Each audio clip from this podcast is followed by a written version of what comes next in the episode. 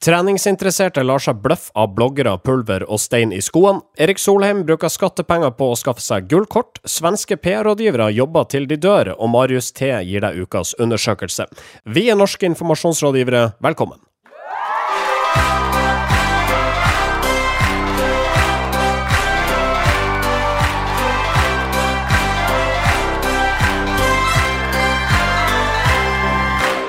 God dag, kjære venner. Jeg heter Marius Staulen. Jeg har med meg Marius Torkelsen. God dag, god dag, god dag. Jeg har også med meg Sindre Holme. Ja da, det skal du ta deg det, skal, det kan du være ganske brennsikker på, ja. Ja. Jeg trodde du skulle si 'det kan du ta deg faen på'. Nei, det har jeg ikke lov til å si. Nei, det er kun her nordpå vi har lov til å si sånne ting. Det er bare det som har lov til å si det. Ja. Denne sendinga presenteres av medieovervåknings- og analyseselskapet Retriever. Og altså, helt uhilda så må vi vel si at Retriever er en av de bedre mediesøkene. Det kan du ta deg faen på. Ja.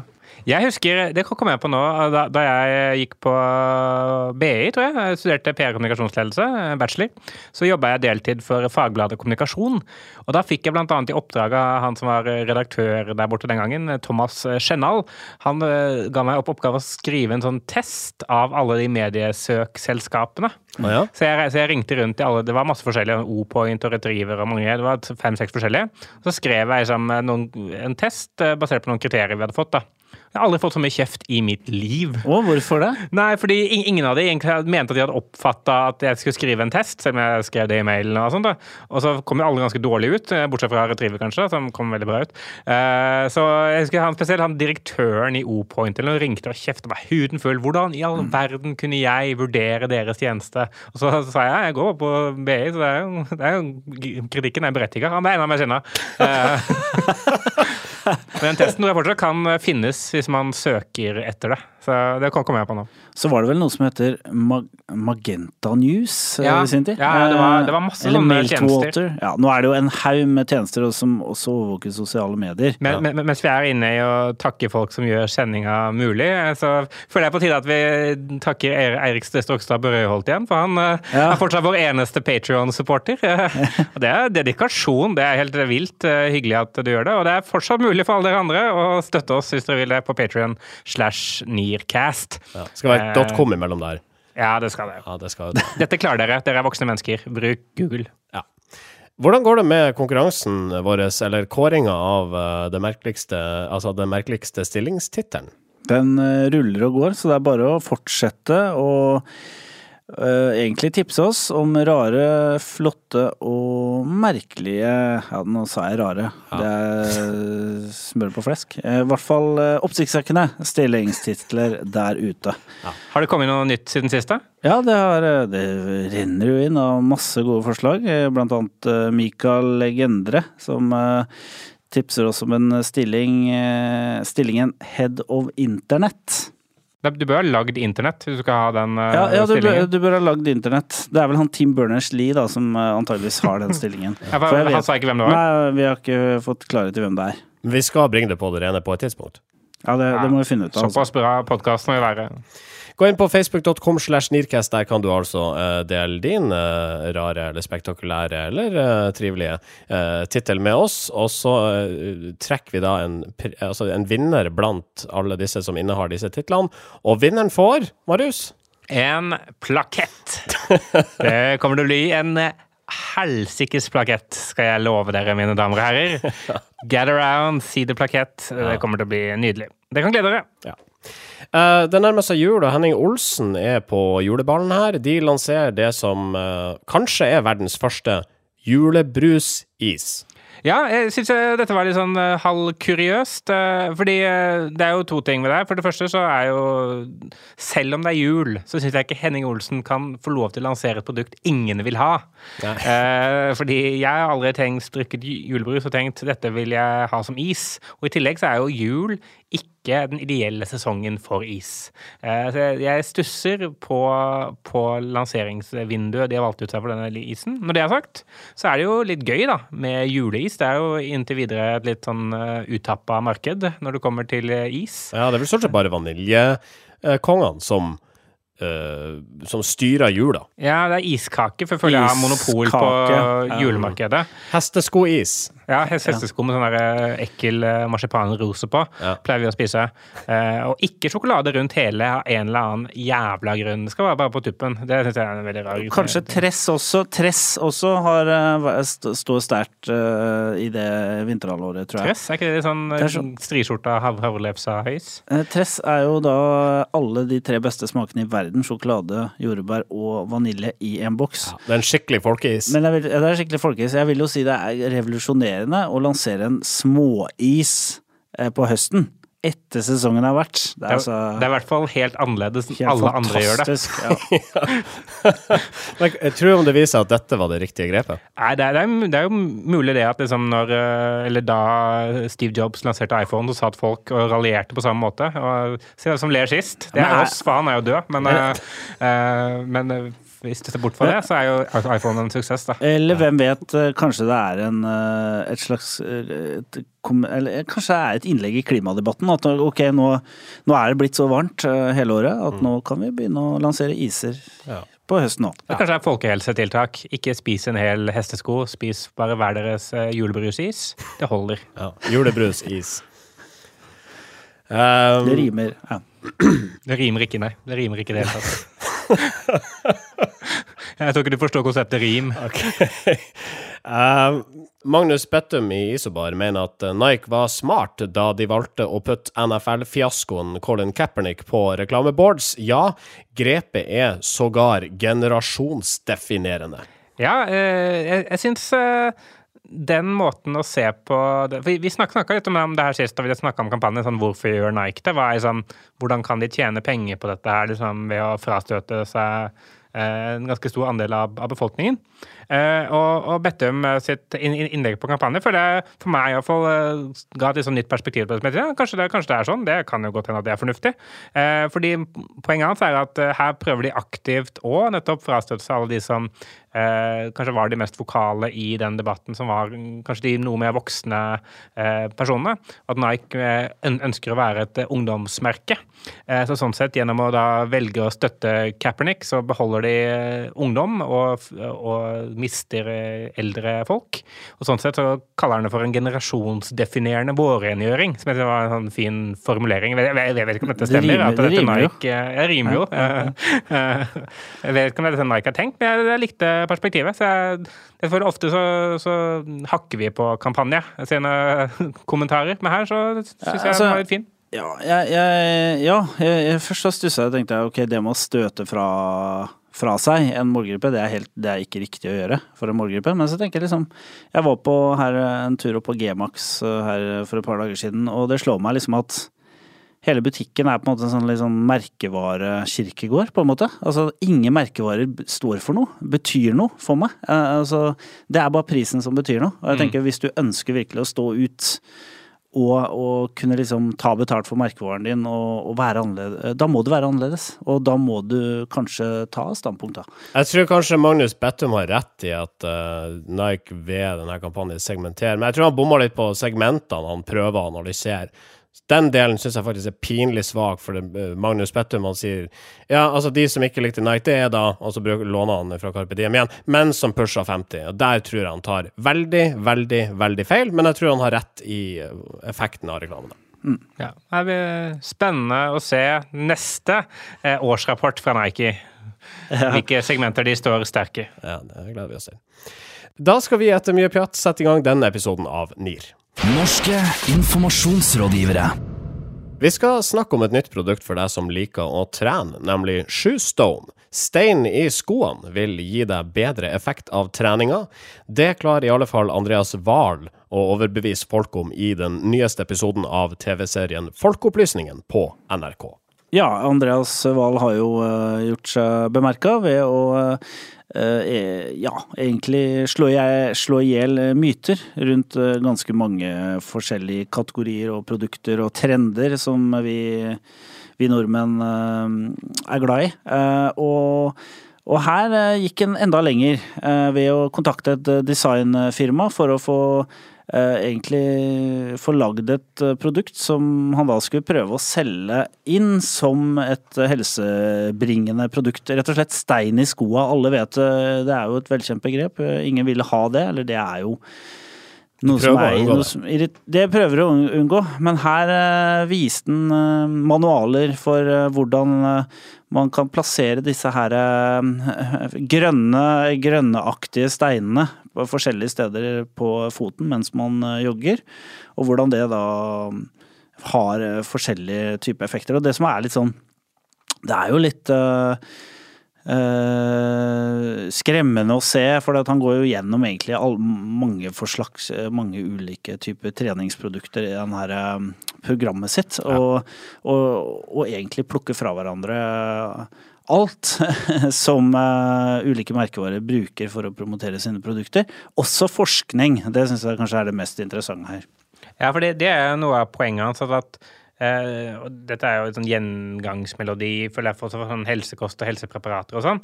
At eh, forskningen som det ofte henvises til, som enten da bekrefter eh, at produktet funker eller ikke, er jo enten veldig, veldig svak og i en måte egentlig ikke forskning. Eh, ofte er det veldig få studier som ikke er gjennomført riktig. Og hvis studiene er gjennomført riktig, så konkluderer de ofte ikke med at det produktet virker. Jeg så en episode av Forbrukerinspektøren for et par uker siden hvor de hadde sjekka ut et sånt produkt heter Medox, som er sånn der, eh, blåbærpreparat. Og de kunne henvist til ganske mye ordentlig forskning. De sier at dette produktet er forska på. Masse forskning. Eh, men den forskningen hadde, hadde ikke konkludert med noe annet enn at Medox påvirka immunforsvaret. De visste visste ikke om det var positivt eller negativt.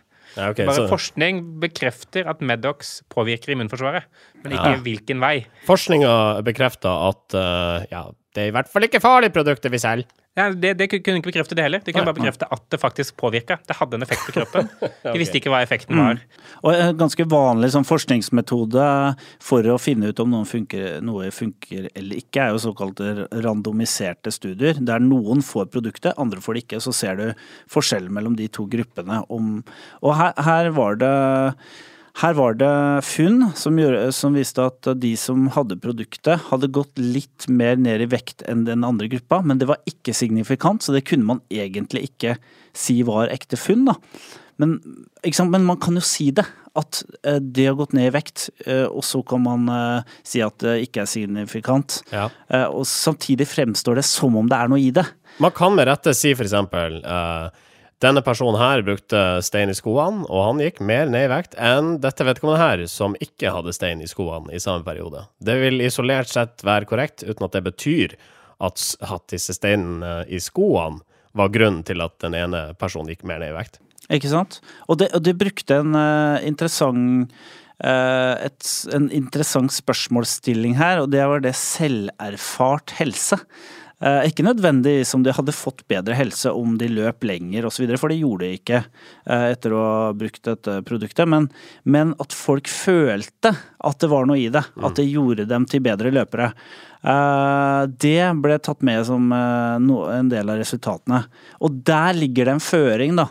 For du får et nytt produkt, det er en, kanskje en forventning om at ok, nå skal jeg være med på et forskningsprosjekt, jeg skal teste noe helt nytt nå, som visstnok har, som eh, produsenten har veldig troa på, osv. Uh, og at man da kan få seg til å tro at ja, det er, vel kanskje noe i dette her.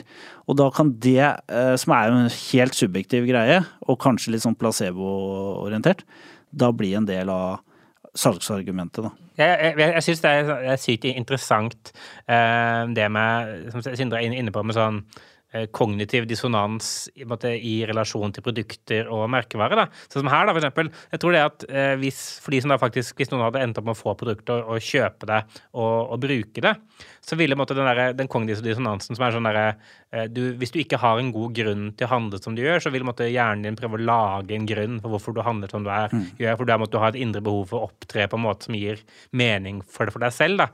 Og da ville man jo tenkt sånn Jeg ville jo ikke brukt 300 kroner på stein hvis det ikke fungerte. Det Nei, ville jo ikke nei, jeg gjort. ikke. Og da vil man måtte klare å lage seg de grunnene, på samme måte som der, når man kjøper en, eh, en eh, Tesla modell S. da. Så det, jeg ville ikke brukt en million kroner på bil hvis ikke den var sykt mye bedre enn alle de andre bilene.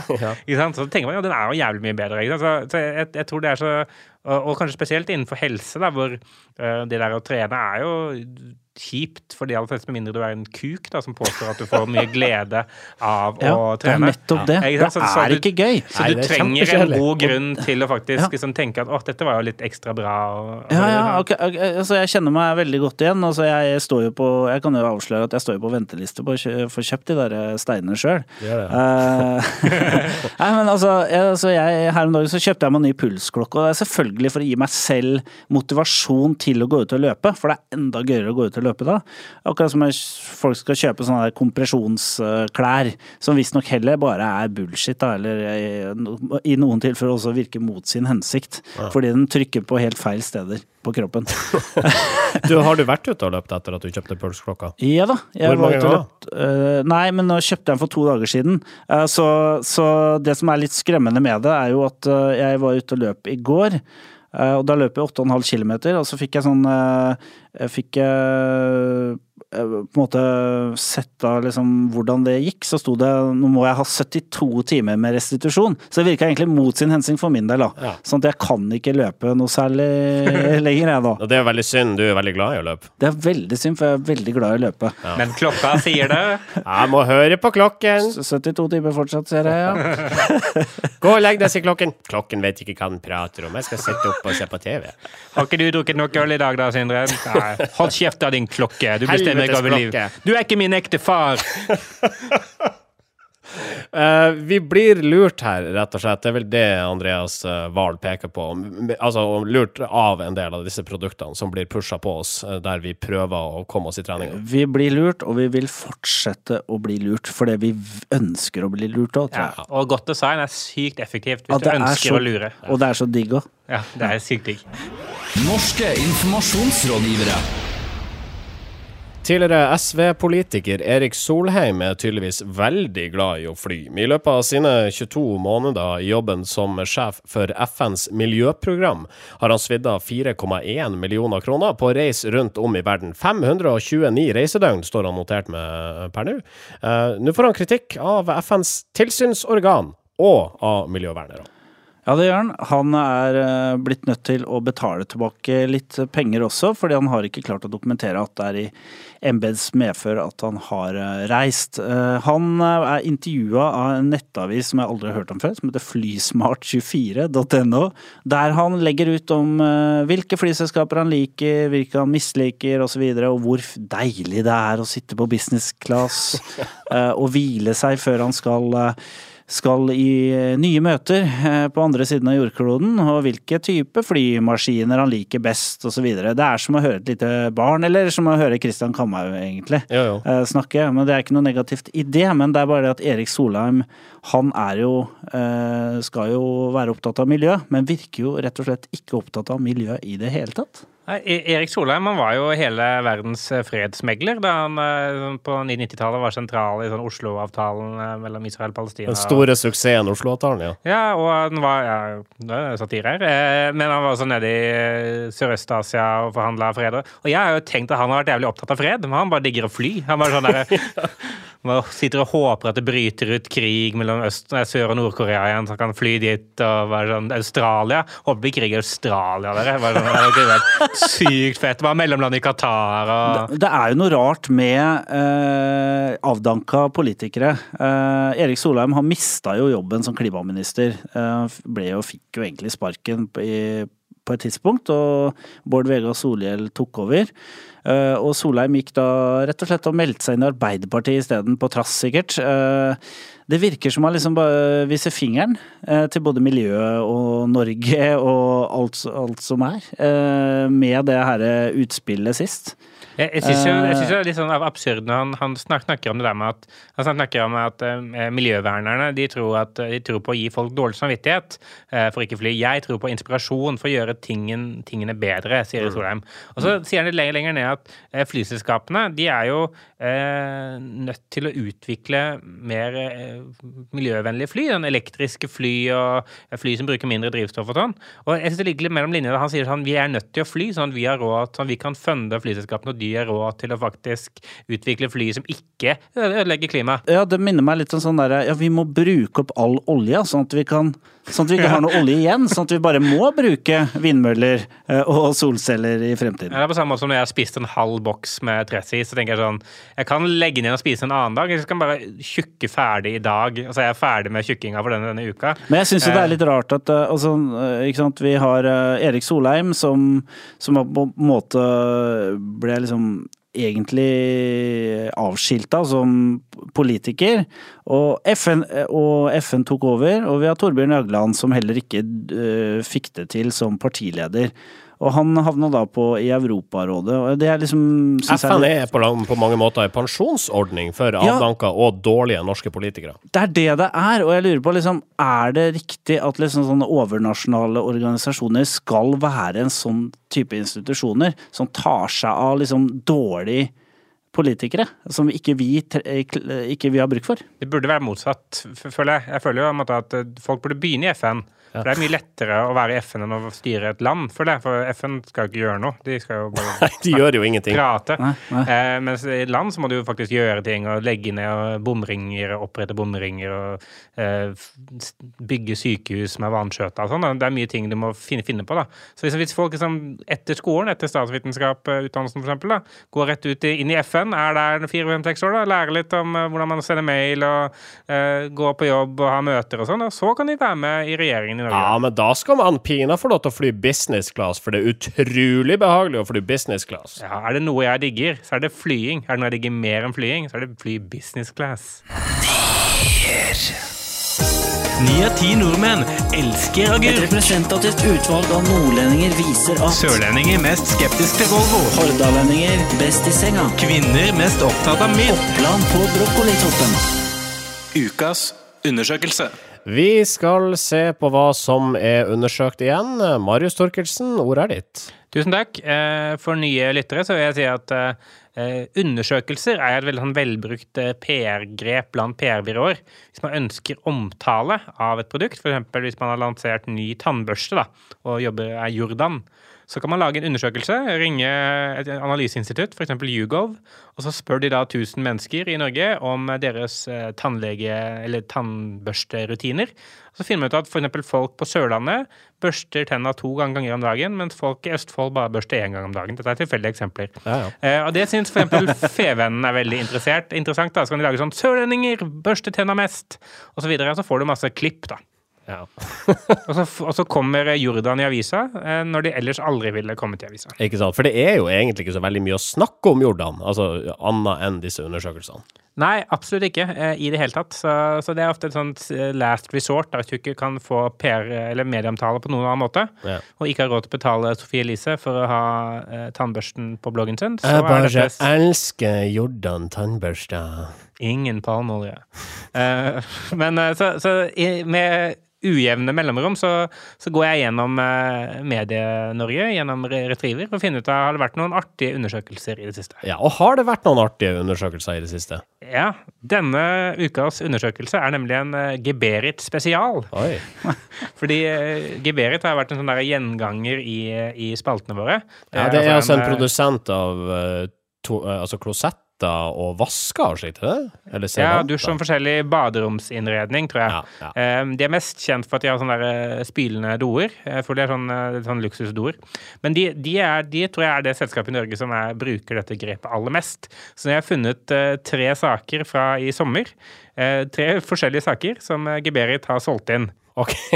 Vi eh, tar de fra en tredjeplass, da. Yes, På tredjeplass så er det en, en sak, jeg tror det var en sånn side to eller side tre-sak, hvor de kan slå fast at én av fire nordmenn syns det er kjedeligst å vaske badet.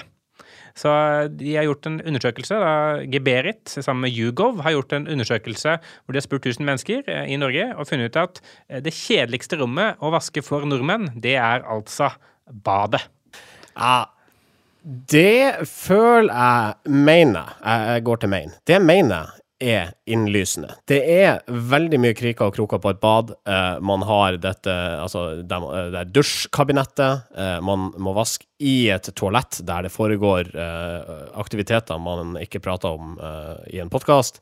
Det er et kjedelig rom å vaske. Det synes åpenbart. Ja, det, det er veldig kjedelig, og spesielt eh, det der for å rengjøre toalettet har Geberit hengt seg opp i, da, fordi det vet jeg at mange syns er kjedelig. Spesielt, det å vaske da under kanten på toalettet. Og derfor er tilfeldigvis så har Geberit akkurat lansert det de kaller et eh, rim-free toalett. Som er, jeg vil si, uheldig navn på toalett. det- Eh, men det er altså uten spylekant. Eh, og det, er veldig, det gjør det mye lettere å vaske toalettet. Men hvor kommer vannet fra da? Nei, det, dette er vitenskap, gutter. Dette må vi bare stole på at Geberit vet. ok, greit. Men de har altså flere undersøkelser på trykk den siste tida. Yes, det har de. Eh, De har også spurt eh, nemlig hva folk foretar seg på badet. Eh, Dette er en sak som slår fast at folk snoker på badet ditt. Det, står i ingressen her. Du trodde kanskje at gjestene dine bare går på badet for å gjøre sitt fornødne. En ny undersøkelse fra Geberit sammen med Yougov viser at dette ikke er hele sannheten. For det er nemlig det å eh, snoke i, eh, i folks eh, ting og tang. Det gjør de 75% i aldersgruppen under 15, nei, 18 til 29 år. De sier og oppgir at de har snokt og til og med lånt fra et annet baderom uten å spørre. Oi. En annen ting som jeg skal si er, eh, I denne snokinga så er det 42% som mener at toalettet har vært så skittent at det har trengt en vask før bruk etter at gjester har vært der. Ok. Og Derfor er det veldig bra da at Geberit har lansert rim-free toalett uten spylekant. Så vi gjør det mye lettere å holde, holde toalettet enkelt og friskt. ja, det er jo kjempeflaks. Ja. Så det var også en annen vinkling på det samme produktet? Det var det, absolutt. Ja. Ok, du har en til fra Geberit. Ja, den siste, dette føler jeg også er en sånn eh, Dette er innlysende-kategorien. Hvor nemlig Geberit har gjort en undersøkelse sammen med Hugov, hvor de har funnet ut at eh, nordmenn foretrekker dusjkabinett. Foran. Andre dusjting. Dusjforheng. Dusjforheng, sånn badekar som man står i og dusjer. 45% har denne dusjløsningen i badet sitt. Eh, og, og det er tydeligvis majoriteten da, eh, mot de andre alternativene. Derfor passer det bra at de har lansert det nye dusjkabinettet Show, Showerama 10.5 Comfort. Det kombinerer da eh, 70 år med erfaring og utvikling av høykvalitetsprodukter med gjennomtenkt design og moderne teknikk. Kvalitet er viktigst når nordmenn velger innredning i baderommet. Um, er det rim-free det dusjkabinettet? Eh, det tror jeg faktisk ikke er rimfree. Det tror jeg det ikke- Der har de en jobb å gjøre, Berit. Det har de en jobb å gjøre. Uh, gi oss rimfree dusjkabinett, så skal jeg uh, legge pengene mine der. Vurdere det. Ja. Ja. Du skal hjertelig tusen takk for gjennomgangen av noen undersøkelser, Marius Torkelsen. Vær så god. Norske informasjonsrådgivere. På tuppen her, pensjonsforsikringsselskapet PP Pensjon har laga en serie med YouTube-videoer for å vise konsekvensene av at ni av ti i byråbransjen ikke har tegna tjenestepensjon. Um, her er et lite klipp, og det du hører her, er en gjeng med gamlinger som sitter på pitch for pølse, tror jeg. Hur som helst finnes det ingen korv som et premium i det her segmentet. Men vi skulle kunna göra en varumärkesförflyttning. Skulle vi ompositionera korven mot glädje i vardagen. Vad tycker ni om det då? Jag tycker det är bra. Ja, bra. Det var skitbra. Ja, jättebra. er eh, fascinerende, veldig sjarmerende videoer med ja, noen ganske gamle mennesker, tipper eh, godt over 70, kanskje godt over 80 år, som sitter her og jobber som man gjør i, i reklamebyråer i dag. Eh, hvor da budskapet er at eh, ja, ni av ti ansatte i kommunikasjonsbyråer har ikke tegna tjenestepensjon. Så hvis du ikke gjør det, så risikerer du å sitte der og pitche på en ny pølse, som skal da posisjoneres inn i et uh, glede i hverdagen-segment. Og det gidder du ikke når du er 80 år, altså. Nei, jeg er glad jeg jobber i mediebransjen og har fått eh, tjenestepensjon. Ja. Og jeg er glad at jeg jobber i staten og får kasta offentlighetens penger etter meg. Det har du fortjent, Marius. Ja. Eh, og Norsk Filmforbund er i streik fordi de mener lønna til TV- og filmarbeidere er urettferdig. De har tatt i bruk den sjeldent fengende parolen 'Vi lager ikke drama for ingenting'.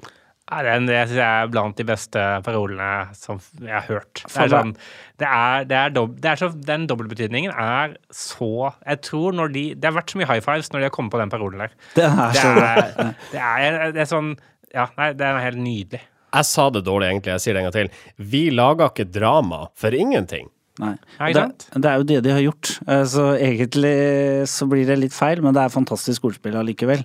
Ja. Folk, ikke sant? Folk i TV- og filmbransjen. Det er, det, er litt, det er litt sånn Jeg vet ikke, det er ikke, det er ikke uttalt, men det er litt sånn at du skal være glad du for at du får til å være med på noen, en sånn kul eh, produksjon. Eh, litt sånn holdningen der har jeg inntrykk av. Veldig mye korte kontrakter og prosjekter. Få, få stillinger som er, eh, som er fast. Og de tjener jo til dels ganske dårlig. De som, Det er jo bare sånn fem skuespillere i Norge som har klart å tjene til livets opphold på det viset. ja, ikke sant? Hvis du f.eks. jobber med en TV-produksjon med dolly grip, altså du, du ruller en slags vogn med en, eh, et kamera på, så tjener du ganske dårlig i norsk eh, bransje. Jeg, jeg, jeg må si jeg syns det er så gøy når eh, sånne ordentlige, morsomme yrker streiker. Sånn der når NRK streika tidligere, de gjør liksom morsomme ting. Når, det er noen sykepleierne og lærerne Det er jo kjempekjedelig, det er jo ikke noe gøy i det hele tatt. Men eh, når NRK streiker, så lager de morsomme videoer, og når disse skuespillerne streiker, så har de gode ordspill og sånn. Så jeg er veldig for mer streik blant eh, folk som jobber med morsomme ting, da. Ja, Både fordi at det er morsomt, og fordi at det har ingen praktiske konsekvenser for resten av landet. Ja, det er for så vidt også sant. Vi får se mer på Netflix enn på NRK-produksjoner eh, isteden. Ja. En siste ting her, og det er vi nesten nødt til å fortelle før vi går av lufta. Vi har meldt oss på NM i podkast. Ja, det stemmer. Eh, Norgesmesterskapet i podkast, eh, uoffisielt sådan, eh, arrangeres for første gang av eh, et sånt podkasthus, eller hva man skal kalle det, podkastinteresseorgan som heter Podkast, eh, som heter Filt. Eh, og det avholdes på Facebook-gruppen Podkasttips Filt. Og hvis vi skal klare å hevde oss der, for da er vi i gruppe med Aftenpodden og Harmo Hegseth og Ulrikke Falks podkast, så er vi avhengig av Vi er ikke fa- favoritter til å vinne, kan vi si. Nei, vi er vel egentlig fucked. Men det hadde vært sykt gøy hvis vi faktisk slo Ulrikke Falk eller Harmo Hegseth. Eh, Ja, så, det vært gøy. så da trenger vi faktisk at dere lyttere går inn og stemmer på oss. Gå inn på denne Facebook-gruppa som heter Podkasttips Filt, Ja. og vis disse mediesjåvinistene, hva man skal kalle det, um, medieelitistene, at vi også kan regnes med. Og hvis du gjør det, så kan du vinne en plakett, er det sånn? Det, Der også. plakett til alle som stemmer. Ja. Altså, dette, dette her er en ren uh, avstemmingskonkurranse, så, vi, uh, så du trenger ikke engang å like oss for å gå inn der. Hvis du er, hvis du er fan av historien David mot Goliat, så føler jeg gå inn der. Ja. Podkasttips Filt uh, søk du på i Facebook. Gå inn der og stem. NIR spilles inn i studioene til Moderne Media, en av de største produksjonsselskapene innen podkasting her til lands. Du finner dem på modernemedia.no. Oss finner du på facebook.com slash nircast, og du må henge der et par uker, for i neste uke så er vi ikke her. Eh, Litt eh, mye reisevirksomhet på enkelte. Så det blir eh, 14 dager til neste gang. Vi høres om i tid. Fram til da. Ha det bra! Norske informasjonsrådgivere.